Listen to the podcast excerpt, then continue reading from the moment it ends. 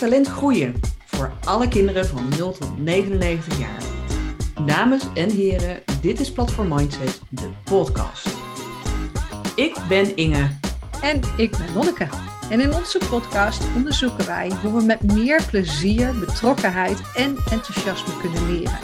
En vandaag hebben we een speciale gast. We gaan het vandaag met Frank Deuring hebben over falen. Vandaag hebben we Frank Deuring te gast in onze podcast. En uh, we hebben Frank leren kennen tijdens een uh, uh, Carol Dweck fanclub dag. En ja, hij was minstens zo enthousiast over die mindset-theorie. En Frank vroeg ons om eens even mee te lezen met een boek wat hij aan het schrijven was, Superfalen. En ja, eigenlijk dat eerste hoofdstuk, daar werden we echt al super enthousiast van.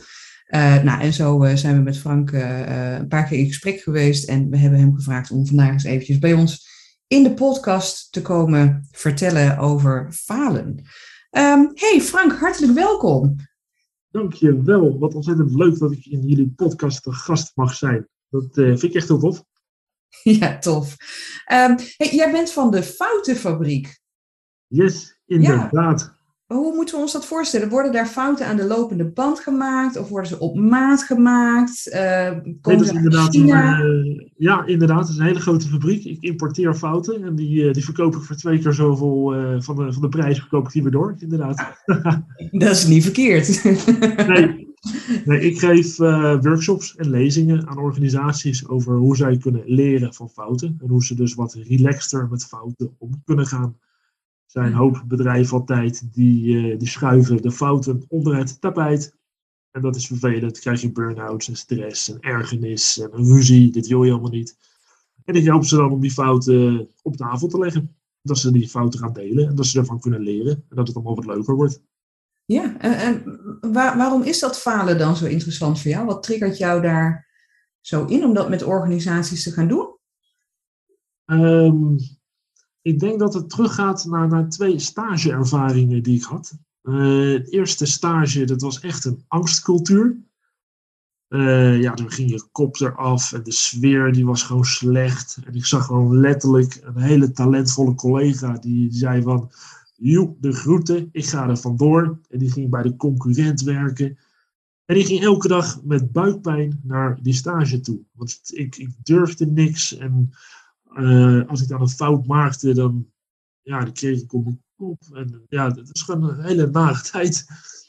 En toen had ik een andere stage, dat was 180 graden anders. Daar mocht ik fouten maken en ja, dat hoort erbij bij je leerproces. Hè. Je loopt hier stage. Dat, vond ik ontzettend gaaf. En toen kwam ik een theorie tegen, of een artikeltje op intermediair tijdens die stage. Ik was me aan het vervelen, half vijf s middags, helemaal uitgeblust.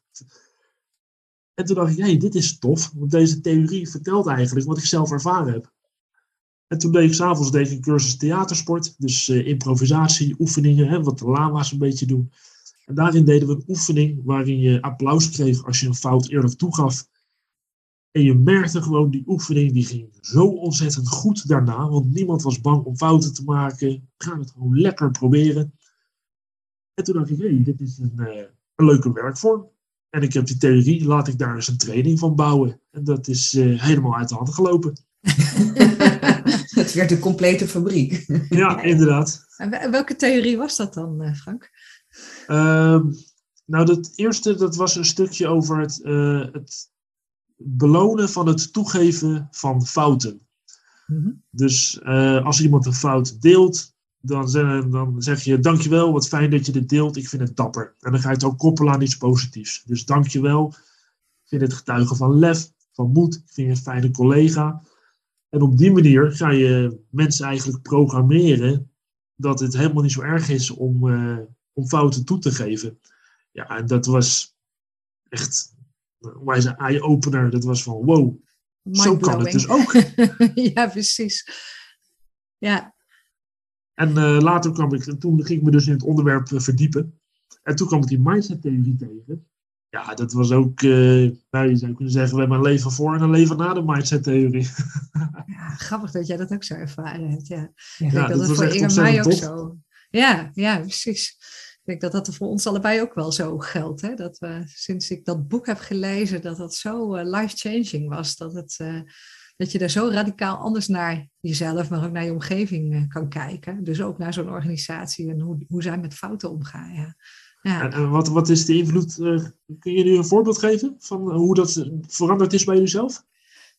Nou ja, ik riep altijd, tot ik dat boek las, van ik en studeren, dat is geen combinatie mijn studies uh, lukten niet en uh, ik kon ze alleen maar als ik met twee vingers in de neus kon, kon voltooien. En ja, dat, dat heeft mij toen wel heel erg aan het denken gezet. Ik dacht van ja, maar dat, dat is iets wat ik mezelf voorhoud. Maar dat hoeft helemaal niet, hè? Dat, dat hoeft echt niet. En, uh, en toen ben ik echt weer een nieuwe studie begonnen. En ik vond het verschrikkelijk spannend. En, ik vond, en dat was ook meteen echt een hele pittige studie, want het grootste studiemateriaal was Engels. Nou, en ik had nog nooit mijn best gedaan voor Engels. Dus het was echt wel even unk, unk, unk, twintig keer slikken. Maar ja, als je het dan haalt, dan is dat natuurlijk wel echt, uh, echt wel kicken. Ja. ja, het was wel hakken over de sloot. Dus wat dat betreft was het nog bijna falen. Maar hey, hoe je dit uiteindelijk. Een mooi resultaat geboekt. Ja, precies. Ja, ja, ja. Ja, ik denk, ik denk dat het bij mij heel erg mijn definitie van succes heeft veranderd. Ik vond altijd dat ik goed genoeg was als ik het kon. Mm dus ik moest de dingen eigenlijk ook in één keer kunnen. Maar ik, ik vond het heel vervelend om dingen te moeten leren. Dus dat, dat, als ik het moest leren, dan was ik er gewoon niet goed in. Um, en daarin is mijn, mijn betekenis wel veranderd van dat stuk succes. Dus voor mij zit het succes nu veel meer in het proberen, in het weer opstaan, in feedback verwerken, zelfs vragen van hulp. Dat zijn echt geen vanzelfsprekende dingen altijd voor mij geweest. En uh, ik moet zeggen dat die mindset-theorie eindelijk ook bepaalde woorden gaf um, aan die twee verschillende processen waar ik in die tijd ook heel erg tegenaan liep. Dus inderdaad heel erg tegen dat bewijzen van ik ben hartstikke slim en hartstikke goed. Versus hey, mezelf ontwikkelen richting steeds een beetje beter worden in de dingen die ik doe. En ik ben in de kern goed genoeg. En dat, dat is wel uh, echt een life-changing ding geweest, ja. Gewoon uh, om, om daar überhaupt ook, om, om het te herkennen in een boek. Van hé, hey, ik sta daar niet alleen in. En uh, ja, ja, tof is dat, fantastisch als je andere mensen daar dan ook mee mag raken. Dus dat, dat, uh, dat heeft mijn leven wel veranderd. Ja, absoluut. Absoluut. Ja. Ja. want, want, want Frank, hoe zie jij dan die relatie tussen falen en mindset? Hoe leg jij die relatie vooral? Waar zie je dat in terugkomen bijvoorbeeld? Um, nou, waar ik zelf ontzettend hard van, uh, waar, ik echt aan van ging, wat, wat echt heel veel, voor mij heel veel betekend heeft, is dat Ehm, vanuit een vaste mindset hè, stel je vaak prestatiedoelen. En dan ben je, ben je vooral bezig met hoe je overkomt en uh, goedkeuring krijgen van andere mensen. En bij die groeimindset stel je leerdoelen en die wil je zelf ontwikkelen. En fouten help je dan juist daarbij.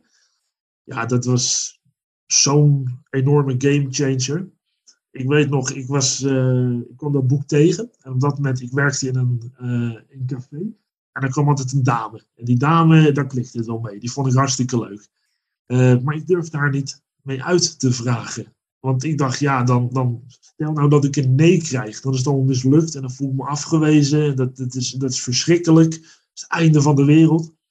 En toen kwam ik dat boek tegen van Carol Dweck. En toen dacht ik, ik stel helemaal verkeerde doelen. Want mijn, mijn, mijn doel is, als ik haar mee uit ga vragen, hè, dan moet ze ja zeggen. Dan moet ik een, uh, ja, ook een goedkeuring krijgen of zoiets. Toen dacht ik, nee, ik moet het doel gewoon veranderen.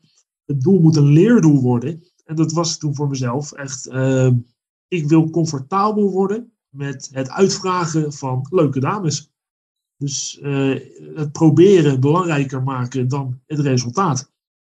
Dus ik dacht, oh ja, want dan, dan hou je het ook in je eigen invloedssfeer. Je hebt er zelf invloed op. Dat vond ik ook zo mooi. Hè? Als je je kan het ook eh, vertalen naar solliciteren. Uh, wil je aangenomen worden? Nou, vaste mindset. Hè, of tenminste, als je zegt, die, uh, je, stelt een prestatiedoel. Of ga je denken van, ik wil beter worden in solliciteren. Nou, dan wordt het veel minder erg om, uh, om fouten te maken.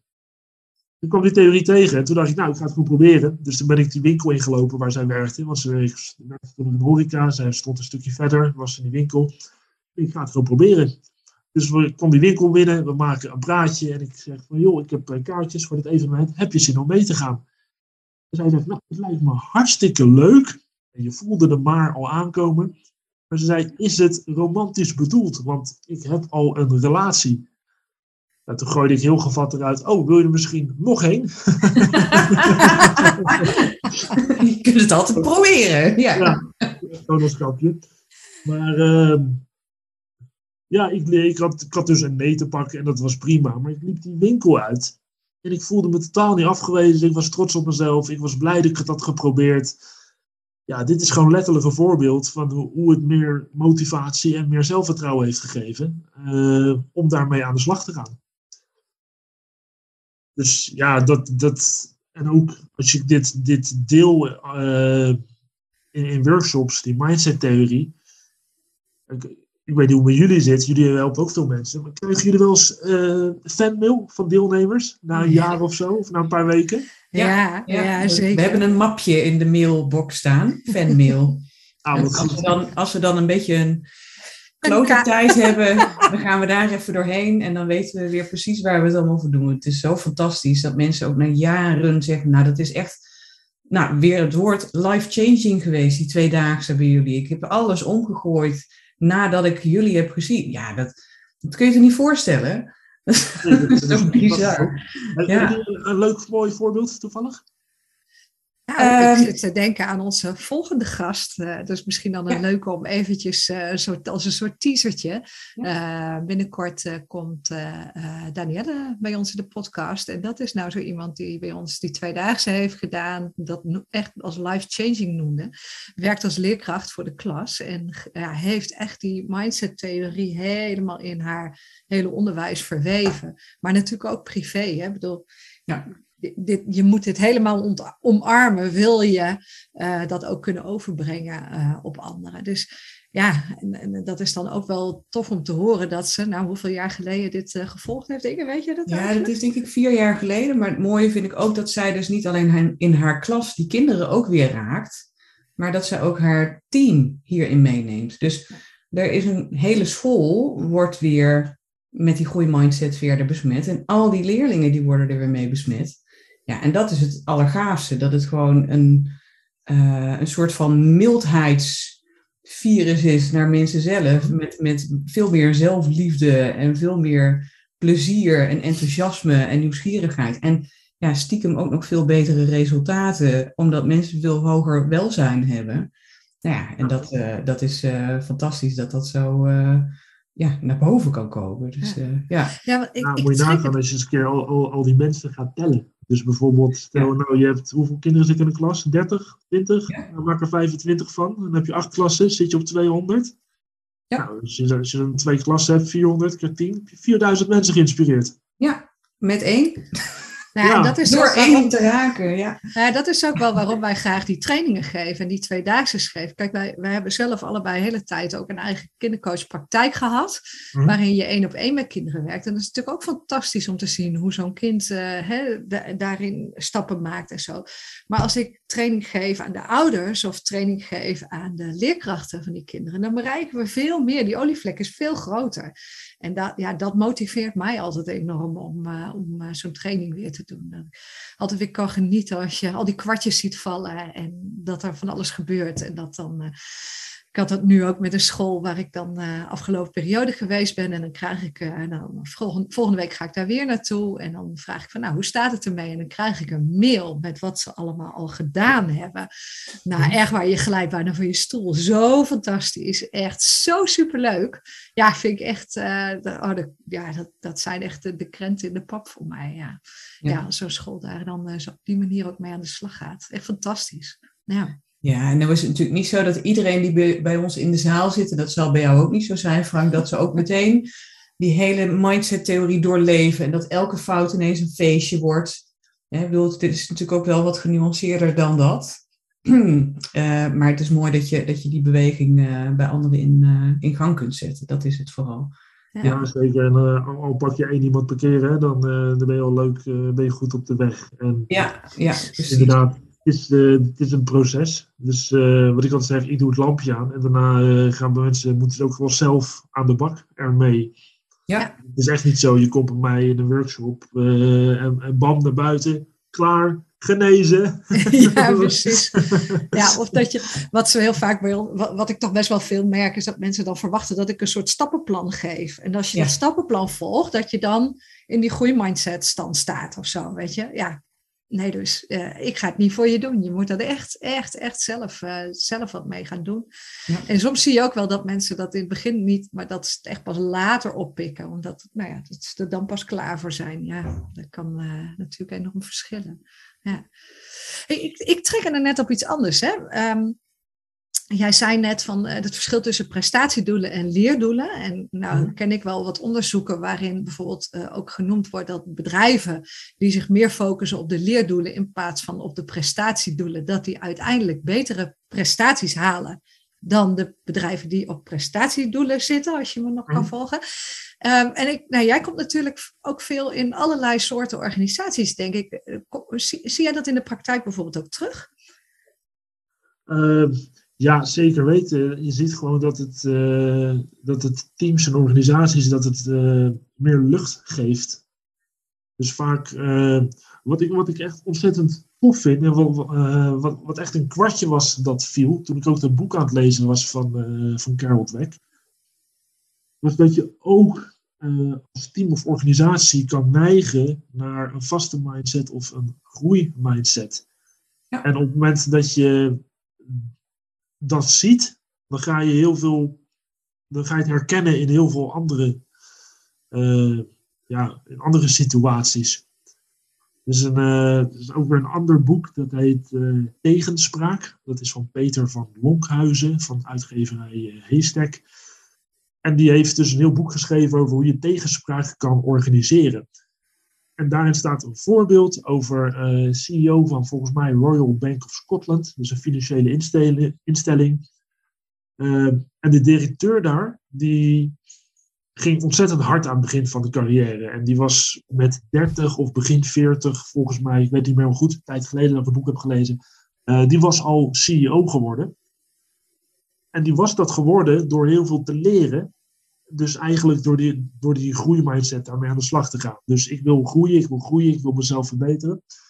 Vervolgens, die wordt CEO, maar die krijgt zo enorm het stempel gedrukt van enorm talent. Dat hij daarna vooral bezig is met laten zien eh, wat hij allemaal kan. En vervolgens het hele bedrijf gaat bijna onderuit. Omdat, dus dan zie je hoeveel invloed eh, zo'n CEO kan hebben. En als Ja. je bezig bent met, met prestatiedoelen en laten zien wat je allemaal kan. Ja, dat, dat vond ik echt fascinerend. Ja, ja. Ja, ik, ik, het triggert bij mij. Ik, ik las laatst een stuk over eh, onze oud-minister Zalm. Die eh, is ook eh, de directeur van de ING. Van ABN AMRO is die goed. ABN AMRO. Nou ja, Ja. goed, dat, dat had ik even niet meer opgeslagen. Maar ook hij was daar heel erg mee bezig om die tegenspraak om zich heen goed te organiseren. Zodat hij scherp gehouden wordt. En hij zelf daarin kan leren. Het is ontzettend belangrijk natuurlijk. En ja, ik kan me voorstellen op het moment dat je inderdaad als zo'n groot talent, ja, wij zien dat in het onderwijs ook gebeuren, Inge, dat, dat, dat kinderen dan eh, nou ja, naar de plusklas mogen en eh, de beste zijn in rekenen of echt supergoed zijn in gym. Dat soort labels, dat, dat doet iets met je. Ja, dat soort, Ja. eh, dat Dus soort het is een groot talent, maar het kan ook meteen je grootste valkuil worden als je op de verkeerde manier ja, dat talent moet laten zien. Ja, als je alleen maar goed genoeg bent als je presteert daarin, ja, dat is eh, doodzonde. En natuurlijk ook op het moment dat jij in zo'n organisatie terechtkomt met hè, die, die, die, die leerdoelen, een groeimindset, ik wil, eh, ik wil leren. En je komt in een organisatie die zo is ingericht dat het hartstikke fixed is.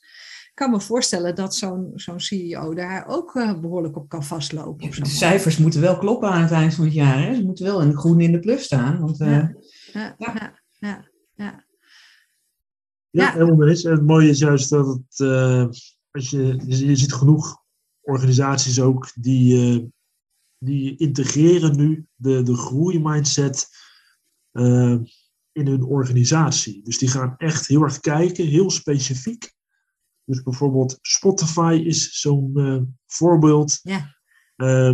Die hebben echt leren volgens mij als kernwaarde staan al die medewerkers die kunnen daar een groeimindset training volgen.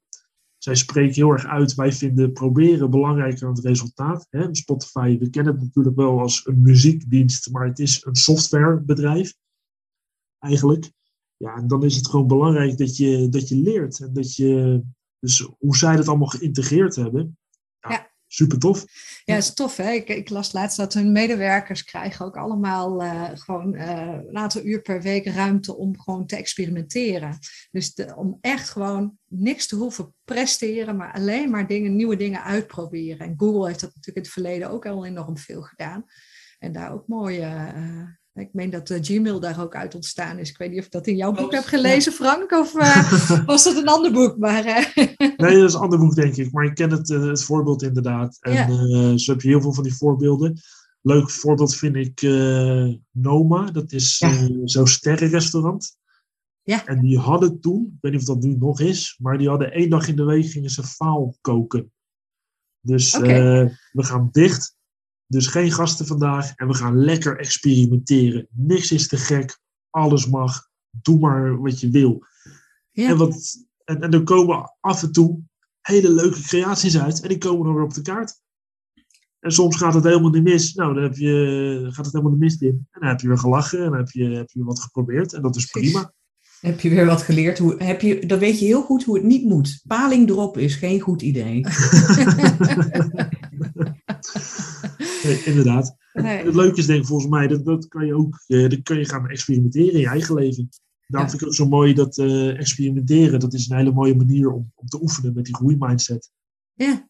Precies. Maar, maar waarom doen bedrijven dit dan niet massaal, denk ik dan? Ja, dit hangt denk ik heel erg samen met, met eh, de leiding die er zit en of die, er- die er open voor staan. Eh, en wat voor belangen je hebt.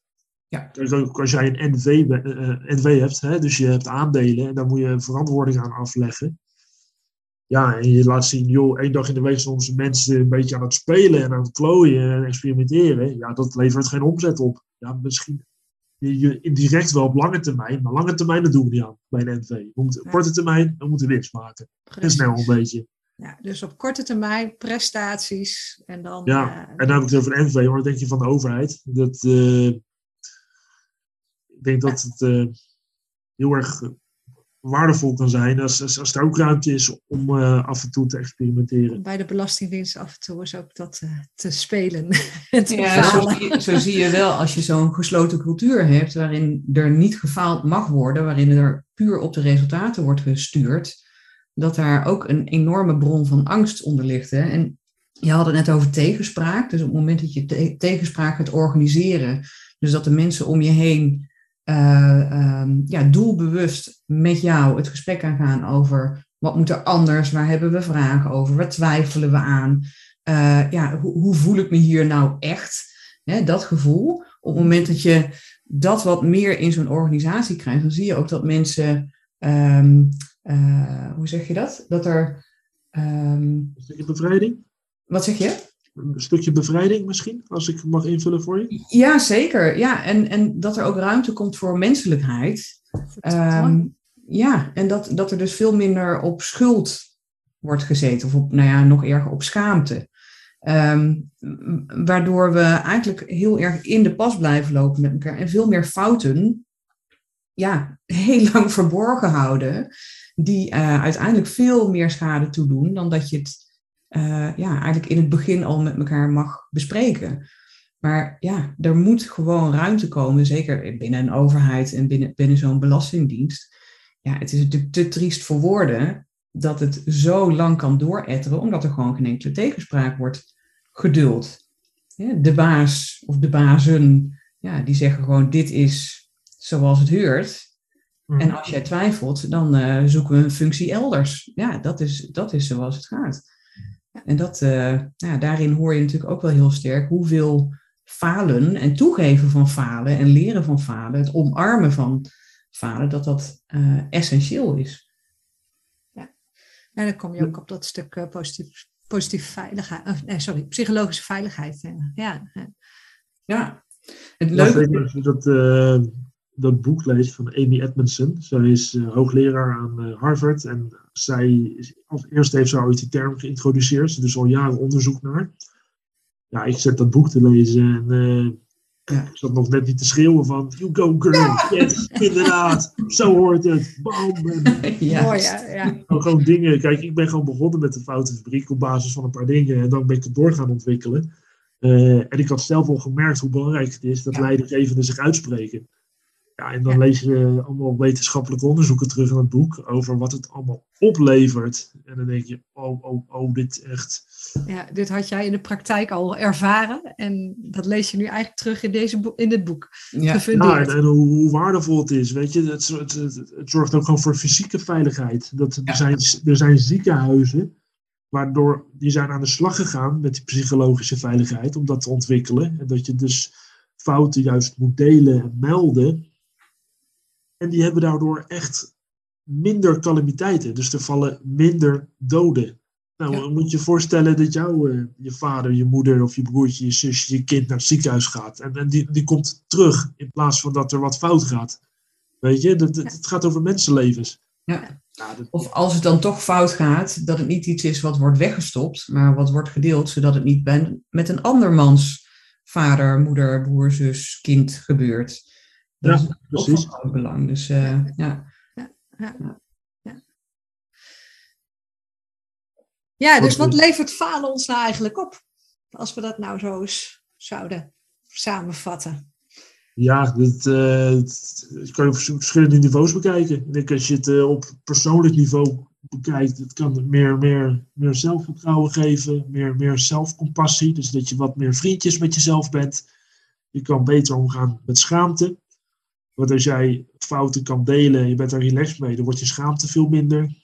Uh, je kan beter af, omgaan met afwijzing. Dus als mensen naar tegen je doen, dan kun je daar ook weer mee leren omgaan. Ja, dat is alleen op persoonlijk niveau. als je het kijkt op organisatieniveau. Ja, het is, is helemaal immens. veiligheid, het wordt meer innovatie, meer creativiteit. Um, voor de mensen die bedrijfskundig ingestoken zijn, het zorgt voor meer knaken, want je gaat minder kosten maken, dus maak je meer winst.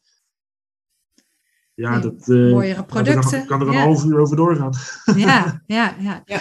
En als je, als je nou zo naar de luisteraar, uh, die zegt van meer zelfvertrouwen, meer zelfcompassie, heb je dan een, bijvoorbeeld een tip voor de luisteraar, bijvoorbeeld iets wat jou in het verleden heel erg heeft geholpen om, om dat om daar eens een stap in te zetten, om, om daar ja, iets verder in te komen, in dat falen, in dat gevoel? Um, ja, ik heb er zoveel dingen in. Dat, uh, maar laten we het eens hebben over een stukje, een beetje, een beetje aardig zijn voor jezelf. Ja. Uh, op het moment dat jij een, uh, een fout maakt, wat ik dan vaak zie, ook in mijn workshops, en gewoon als ik kijk, als je, je krantenberichten leest en je ziet mensen praten erover of in de media of zo. We zijn vaak veel harder voor onszelf dan voor anderen. Dus als je zegt van ja, ik ben tien minuten te laat gekomen. Uh, weet ik veel, de brug stond open, kinderen waren lastig thuis. Uh, nou, uh, iedereen kent de voorbeelden wel. En dan jezelf helemaal afvakkelen. Ik ben een slechte collega en ik ben een slechte vader of moeder. En ja, weet je wat er daar allemaal door misgaat? Ja. de schade ik berokken bij de ander. Ja. Precies. En als je dan kijkt naar, uh, als je zegt van, hé, hey, maar, uh, jouw collega die was tien minuten slaap. Oh, prima, kan gebeuren. Dat is, is, helemaal niet erg. En ik kwam toen een hele mooie oefening tegen. En dat, was, dat zijn vier kleine stapjes. Het eerste stapje is bijvoorbeeld, Beeld jij nou eens in dat jouw beste vriend of vriendin, die stuurt jou een berichtje. En die stuurt een berichtje van, ah, ik heb een gigantische blunder gemaakt. Het is helemaal fout gegaan, in de soep gelopen. Ik schaam me, dit is heel naar. Uh, nou, beeld je in dat je zo'n berichtje krijgt. Nou, wat je eigenlijk nu moet doen, is voor jezelf in je telefoon, maak je even een notitie. Of je schrijft het op een papiertje. Schrijf nou eens een paar woorden of zinnen op die je gebruikt om die persoon te troosten. Dus laat, nou, laten we jullie als voorbeeld gebruiken. Inge krijgt van Lonneke een berichtje. Ik heb een fout gemaakt. En Inge gaat Lonneke bijvoorbeeld troosten. Dus dan zeg je, beste Lonneke. Nou, Inge, vul eens wat in. Lieve kanonneke, nou, wat vervelend voor je. Maar dat kan, had iedereen kunnen gebeuren.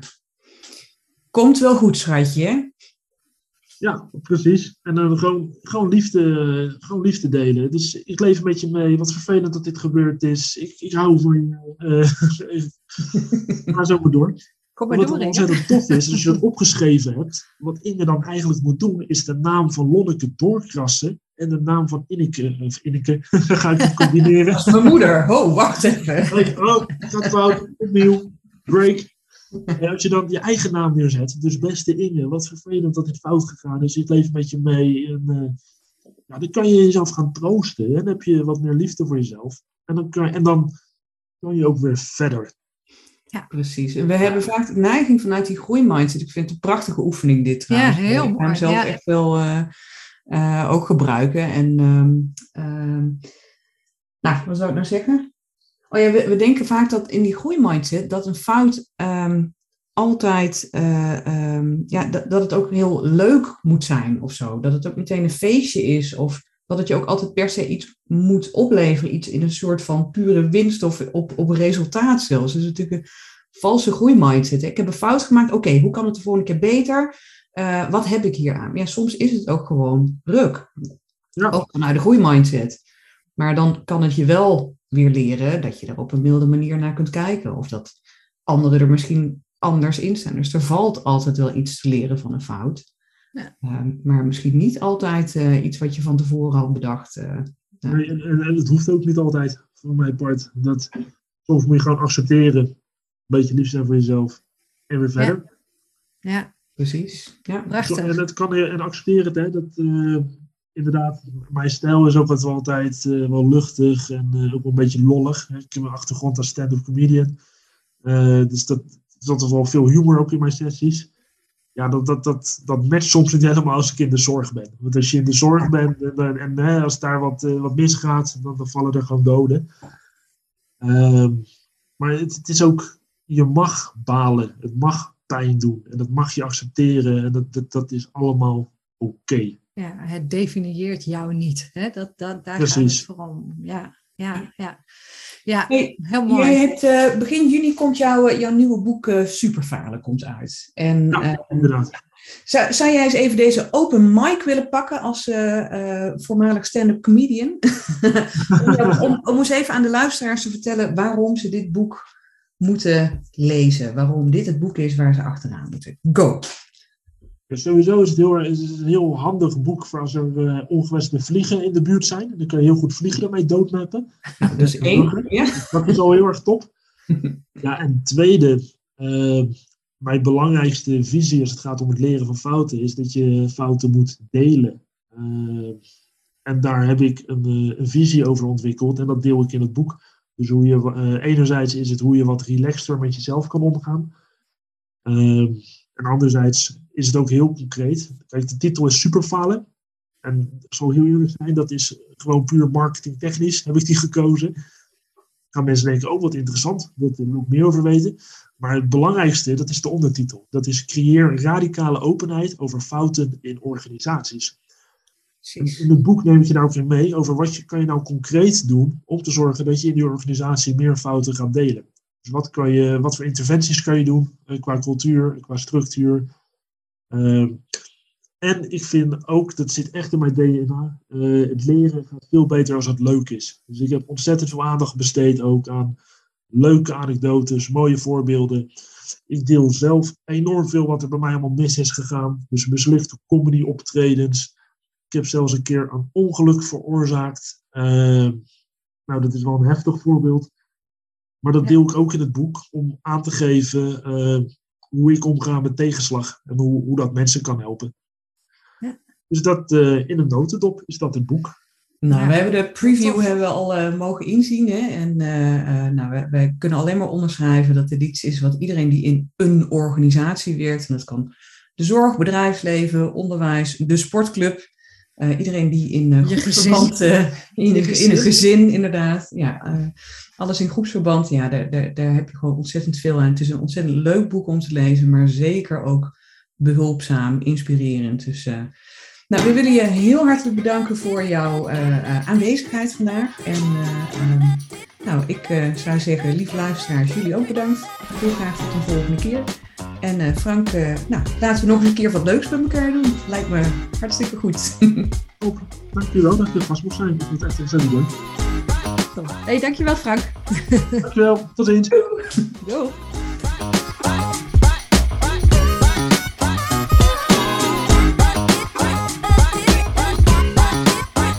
Deze podcast werd gemaakt door Inge Korstiaans en Lonneke Snijder van Platform Mindset. Super dat je ook deze keer weer naar ons hebt geluisterd. Wil jij jouw mindset verhaal met ons delen? Of heb jij misschien een vraag die wij in deze podcast kunnen beantwoorden? Stuur ons dan een berichtje. Alle gegevens vind je op onze website. En als je blij bent met deze podcast, laat dan zeker even een review achter. Want zo kunnen nieuwe luisteraars ons ook weer vinden. En zo laten we dus samen talent groeien.